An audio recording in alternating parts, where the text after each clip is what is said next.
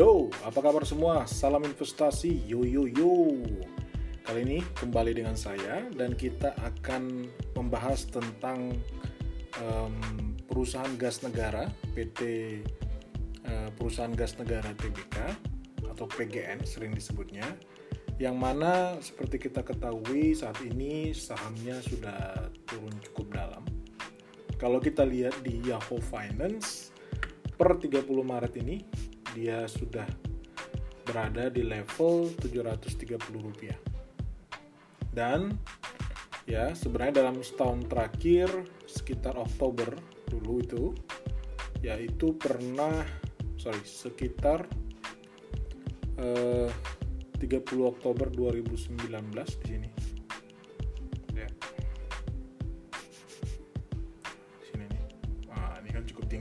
Pernah mencapai harga 2460. Ya, saham Pegas dan sekarang di 730 artinya itu sudah turun sekitar uh, kita lihat Excelnya 70,3 persen. Jadi sudah cukup dalam hanya dalam setahun terakhir. Sementara kalau kita bandingkan ke tahun-tahun sebelumnya, ya bisa dibilang 730 itu itu setara dengan harga di tahun Sudah di tahun nih 2005 ya, 2005 bulan Agustus itu 730. Jadi kayak seolah-olah dari 2005 ke 2020 15 tahun ya harga sahamnya itu balik ke harga awal gitu ya. bahkan di di 2008 sendiri 2011 itu pernah turun itu masih 2300 di 2008 sendiri ya pada waktu krisis ekonomi di 2008-2009 itu paling rendah aja itu sekitar 1000 1100 jadi ini lebih rendah lagi dari 2008 pertanyaan ada apa kan gitu ya? Itu yang menjadi pertanyaan dari teman-teman yang mungkin sudah membeli yang saat ini mungkin minus atau mungkin saat ini belum membeli tapi melihat oh ini kan perusahaan nasional ya perusahaan e, dimiliki oleh pemerintah harusnya harusnya dia e, bagus dong gitu Nah, itu yang selalu saya berikan contoh ada beberapa seperti aneka tambang sebelumnya ya. Terus ada apa lagi tuh? Telkom ya. Itu harus benar-benar kita cek. Kayak aneka tambang itu ternyata secara fundamental kinerja tidak terlalu bagus. Tapi kita balik ke sini dulu anyway, kita balik dulu ke sini. Jadi tulisan saya tentang uh, perusahaan gas negara ini yang kodenya adalah Pegas di Bursa Efek Indonesia itu Anda bisa baca di tagar.id, searching aja. Judulnya adalah penyebab harga saham PT Perusahaan Gas Negara anjlok. Saya juga post di blog saya di YG Strategik, Anda juga bisa baca di situ. Sudah lengkap sebenarnya kalau Anda mau baca sendiri. Cuman saya bikin versi video karena saya yakin di luar sana ada juga yang senang dengan model video yang ada audio dan video. Jadi kita sediakan juga.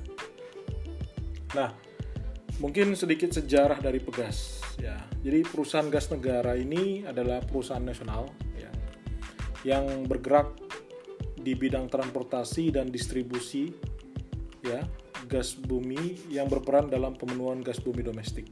Ya.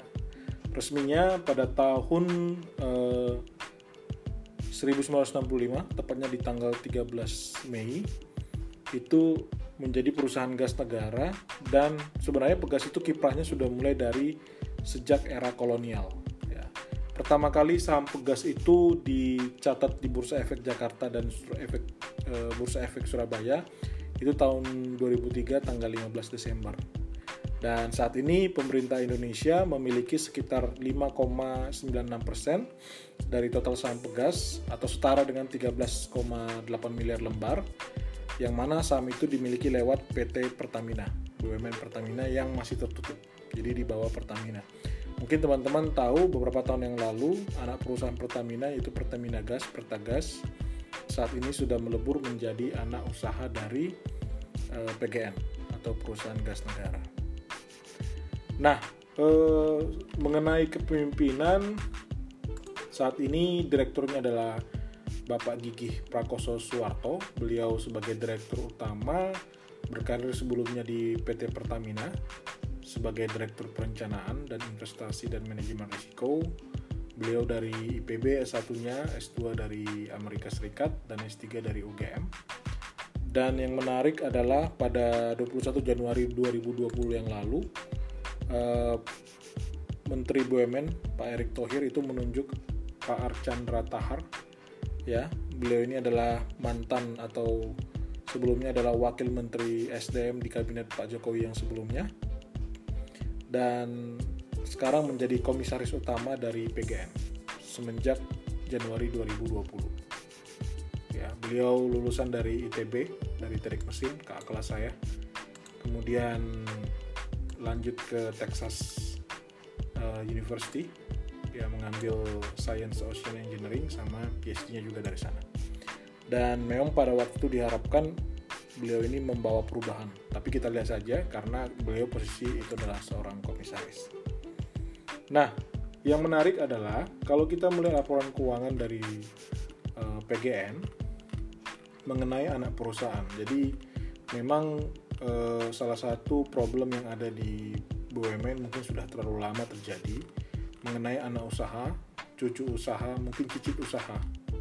Jadi eh, banyak terjadi di BUMN itu memiliki terlalu besar organisasi termasuk anak usaha di bawahnya yang kadang-kadang masih dipertanyakan apakah perusahaan tersebut sebenarnya sebagai anak usaha memberikan laba atau tidak kepada perusahaan atau justru menjadi beban perusahaan.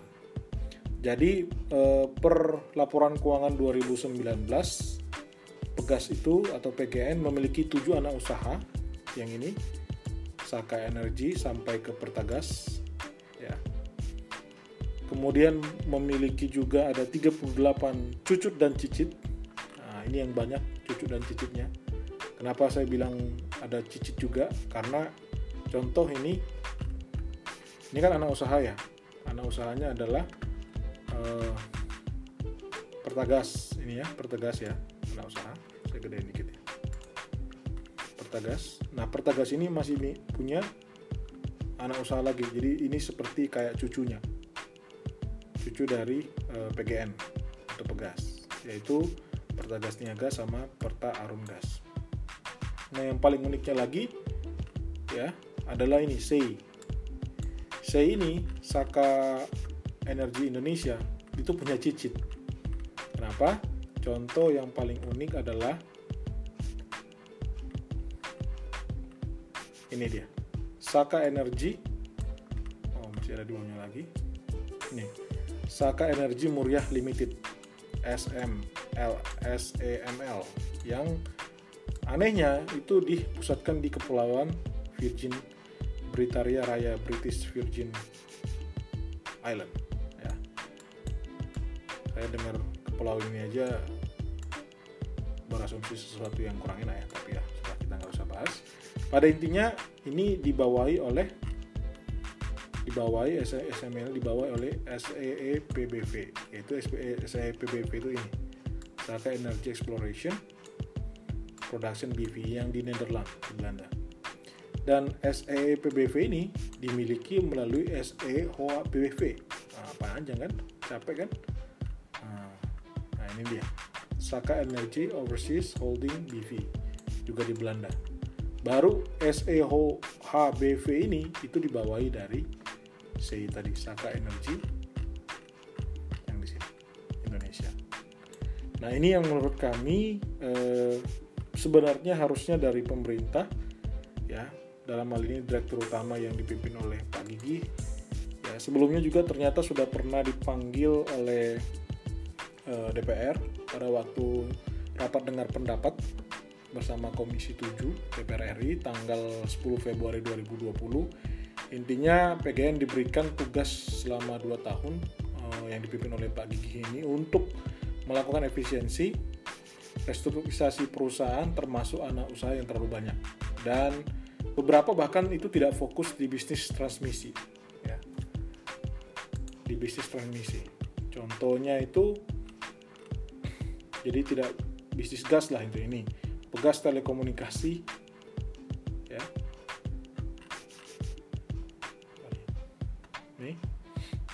telekomunikasi bagian di bergerak di bidang tele, telekomunikasi.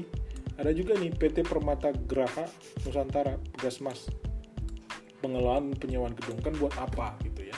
Harusnya fokus ke transmisi gas distribusi gas infrastruktur dan transmisi. Begitu kira-kira.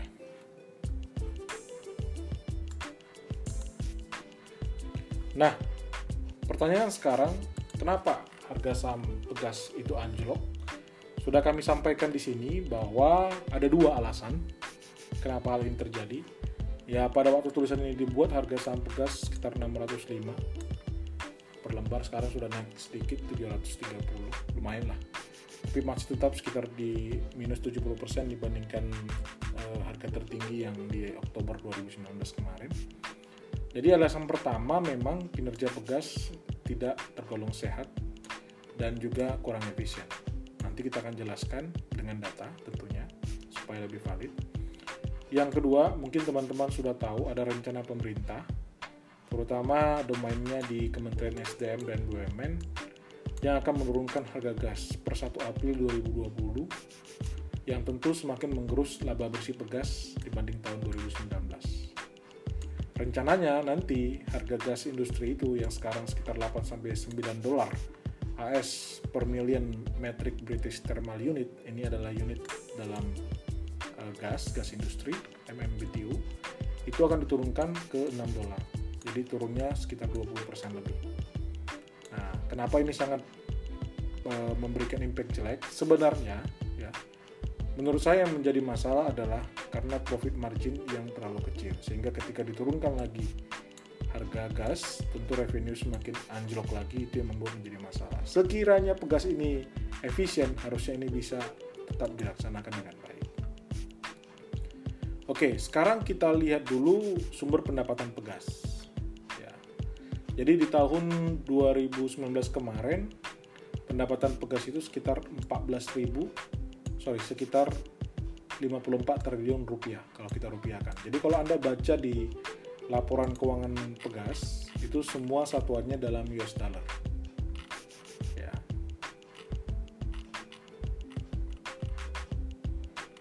dan di 31 Desember 2019 total selama 12 bulan pendapatan pegas itu adalah 3,8 miliar dolar Amerika Serikat. Kalau kita eh, apa pindahkan ke rupiah atau kita konversikan ke rupiah itu menjadi 54,4 triliun.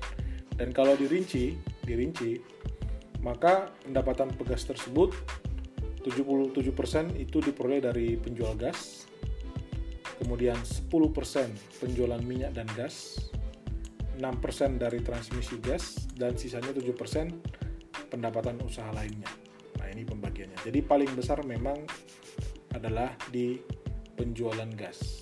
Ya, cocok namanya adalah sebagai uh, perusahaan gas negara.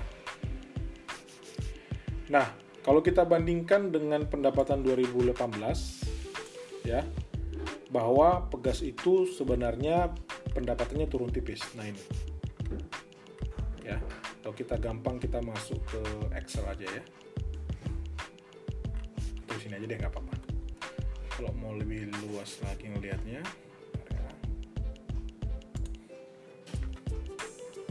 dia. Jadi di 2019 Pegas itu di 3,8 juta dolar AS sorry 3,8 miliar dolar AS jadi turun sedikit dibandingkan 2018 yang 3,8 miliar. Namun parahnya adalah di sisi laba bersih. Jadi yang warna orange ini adalah laba bersih kalau anda lihat ya walaupun tren dari penjualan itu naik memang ada penurunan sedikit di 2016 tapi setelah itu tiga tahun berturut-turut naik terus. Tapi laba bersih itu terus tergerus. Di sini 2018 sudah agak naik ke 305 juta dolar AS turun lagi ke 67,5 ini kita round up. Jadi 68 juta dolar AS nah ini yang menjadi masalah ini yang menjadi masalah. Kenapa bisa naik? Kalau kita lihat di laporan keuangan? Ya, sebenarnya dari sisi beban pokok pendapatan ya ada kenaikan lumayan ya sekitar berapa ini? 100 ya nggak nyampe 100 lah nggak sampai 100 selisihnya sekitar 100 nggak nyampe 100 di bawah 100 tapi yang paling signifikan ada di bagian sini. Pertama ada beban keuangan pastinya naik dari 153 juta menjadi 172 kemudian ada penurunan nilai aset tetap awalnya 0 menjadi 98 juta. Ada juga provisi atas sengketa pajak itu sekitar 127 juta.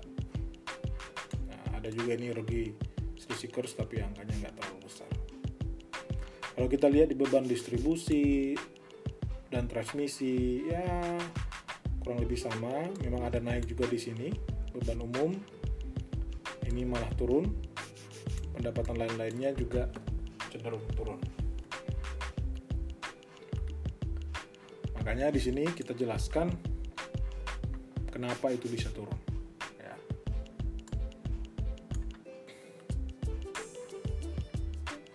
nah sekarang setelah itu kita lihat lagi bagaimana dari sisi return on equity sama net profit margin. Mungkin tidak semua tahu, tapi pada intinya uh, eh, NPM net profit margin dan return on equity atau ROE itu dihitung untuk mengukur kemampuan perusahaan termasuk efisien atau tidak.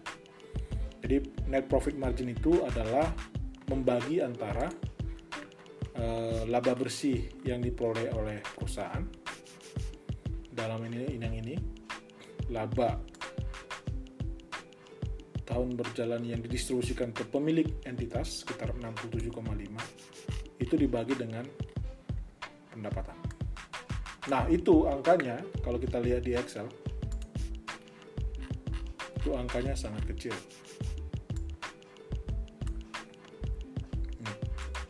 Hanya 1,76 persen. Sedangkan return on equity itu hanya 2, 64 jadi 67,5 juta kita bagikan dengan ekuitas 2,5 miliar.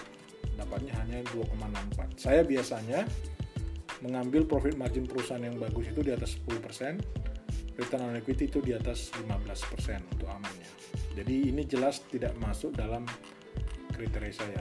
Yang paling amsyongnya lagi paling parahnya lagi return on equity-nya dari Pegas itu turun terus sama dengan net profit margin. Jadi misalkan nih net profit margin yang hijau pernah di 2012 34,5 bayangkan.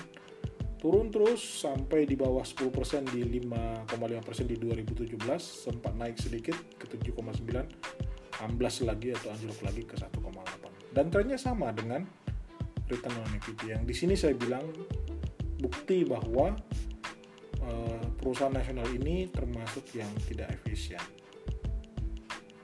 Tentu yang paling tahu detailnya adalah pemimpin dari perusahaan. Namun saya yakin dalam 2 tahun kalau memang benar dibenahi harusnya bisa setidaknya untuk profit margin balik ke atas 10% dan return on equity itu balik di atas 15% di sini. Itu tantangannya menurut saya. Ya, sayangnya saya bukan uh, di pemerintahan. Jadi ya kita, kita lebih ke uh, investasinya lah gitu. Nah kita kembali lagi ke tulisan tadi. Nah di sini bagaimana dengan utang? Utang di sini adalah kita fokus melihat debt to equity ratio atau DER. Ya, rumusnya adalah utang dari Pegas dibagi dengan ekuitasnya. Tadi kan ekuitasnya sudah tahu sekitar 2,5 miliar ini. Kita hanya ambil ekuitas yang ini ya, yang dapat diatribusikan ke pemilik entitas itu karena ini yang menjadi hak dari pemegang saham. Yang ini tidak karena ini adalah ada bagian dari Eh, jadi kalau misalkan anak usaha dari Pegas ada yang sahamnya dia tidak pengendali maka ini tidak diklaim sebagai ekuitas pemegang saham Pegas kalau kita beli saham Pegas Nah, utangnya kita pilih utang-utang yang memang hanya utang berbunga. Jadi kayak pinjaman bank, ya, pinjamannya ini pemegang saham. Kemudian ada juga dari bagian uh, liabilitas jangka pendek juga yang tadi jangka panjang. Uh, ini ada 35 juta jangka pendek pinjaman dari pemegang saham pinjaman bank juga ada 21 juta. Kita total total ya kalau di total kita lihat di Excelnya lagi untuk 2019 saja itu debtnya sekitar 2,9 2,9 miliar dolar AS sehingga DER-nya rumusnya adalah debt dibagi ekuitas ekuitas yang tadi diatribusikan ke pemilik uh, entitas induk dapatnya 1,16 saya biasanya ambil aman debt to equity ratio sebaiknya itu di bawah uh, atau sama dengan 0,5 dan kalau kita lihat trennya kita lihat di grafik aja lebih lebih enak. Dernya gas itu naik terus. Nah ini yang saya bilang kalau manajemen itu care harusnya der itu dari tahun ke tahun malah turun. Bahkan kalau bisa zero zero debt jadi liabilitasnya itu kewajiban-kewajiban lebih ke kayak kewajiban untuk bayar ke supplier, ya, utang ke supplier atau utang ke pihak ketiga, atau mungkin cuma utang pajak. Gitu. Tapi kalau ini khusus utang yang berbunga aja naik terus tiap tahun, bahkan sudah menyampai udah lebih dari satu, ini warning berat. Ini warning berat. Dan pernah kok sebenarnya pegas itu cuma di bawah 0,5. Jadi sebenarnya ini sesuatu yang bisa di manage karena secara historical bahwa pegas itu pernah di bawah 0,5. Jadi bukan tidak mungkin. Itu dia. Nah, balik ke tulisannya lagi. Sekarang pertanyaannya apakah pegas itu layak untuk dibeli? Ya, tentunya kalau Anda lihat di atas tadi dari sisi eh, organisasi harus ada yang dikurangi supaya beban tadi bisa lebih rendah karena itu yang tadi menggerus uh, return on equity sama profit margin. Bah, bayangkan saja tadi grafiknya jelas sekali walaupun penjualan naik tapi laba bersih turun terus. Jadi di situ adalah tantangan untuk uh, pegas supaya lebih efisien lagi dan yang tadi karena net profit margin 1,8 persen dan gas itu harus turun 8,9 sampai 6 dolar AS saja. Di nanti sekitar 1 April kalau jadi. Maka itu kan ada penurunan penjualan nantinya kan. Sekitar dari sisi harga aja minus 29,4 ya karena kan volume berapa yang terjual ya berapa uh, eh, MMBTU yang terjual dikali dolarnya kan harganya ya. Maka tentu ketika harga gasnya turun secara uh, nilai penjualan akan turun. Nah itu yang berat kalau sampai margin cuma 1,8 beban-beban yang nanti masih tetap ya udah pasti 2020 ini bisa dipastikan pegas akan rugi bersih. Ya, makanya saya yakin banyak investor besar yang akhirnya cabut karena melihat ke depannya pegas ini bahkan eh, semakin lebih buruk. Makanya di sini tantangan dari Pak Gigi dan tim untuk membenahi saham pegas. Seperti biasa karena dari sisi kinerja tidak bagus, maka kita tidak lanjutkan ke valuasi. Ya kenapa? Buat apa kita valuasi? Toh sebenarnya ini tidak layak untuk dibeli. Ya, buat Anda yang mungkin saat ini sedang uh, nyangkut terjebak di saham gas, saran saya ada banyak saham yang bagus, sekarang juga sedang diskon. Tidak ada salahnya co coba dilihat opportunity untuk di switch. Jangan asal switch, tapi pilihlah yang benar-benar secara kinerja bagus. Ya. Ikuti terus analisa kami. Pada intinya, semua keputusan beli adalah sepenuhnya di tangan Anda sebagai penonton video ini ataupun pembaca di tulisan kami. Kami menyusun analisa ini tujuannya untuk memberikan analisa contoh analisa yang terstruktur, memberikan edukasi bagaimana sih kita menganalisa suatu perusahaan. Ya, saya tahu tidak gampang karena kalau teman-teman lihat di sini saya mengolah datanya satu persatu dari laporan keuangan yang kita download dari idx.co.id kemudian kita kelola dalam bentuk Excel untuk memperoleh gambar ini semua ataupun data-data ini semua ya. Kalau ada yang bilang kenapa tidak pakai data dari aplikasi, silahkan Anda gunakan. Tapi saya pribadi lebih percaya dengan angka saya karena saya langsung mengambil dari sumbernya. Ya, namanya aplikasi, namanya uh, data free ya yang Anda ambil dari aplikasi. Ya kita nggak bisa berharap kualitas. Karena saya sering sekali melihat data dari aplikasi itu salah entry atau saya nggak tahu lah namanya dia free kan kita nggak bisa berharap banyak ya ya kecuali anda beli berbayar mungkin seperti di ada beberapa yang cukup mahal harganya mungkin itu masih bisa anda komplain kalau dia salah tapi kalau anda cuma dapat dari aplikasi yang free nggak mungkin dong kita bisa komplain makanya saya pribadi lebih percaya kalau saya punya data sendiri oke itu dulu analisa kita Terima kasih sudah mendengarkan dan menonton. Salam investasi Yosi Girsa.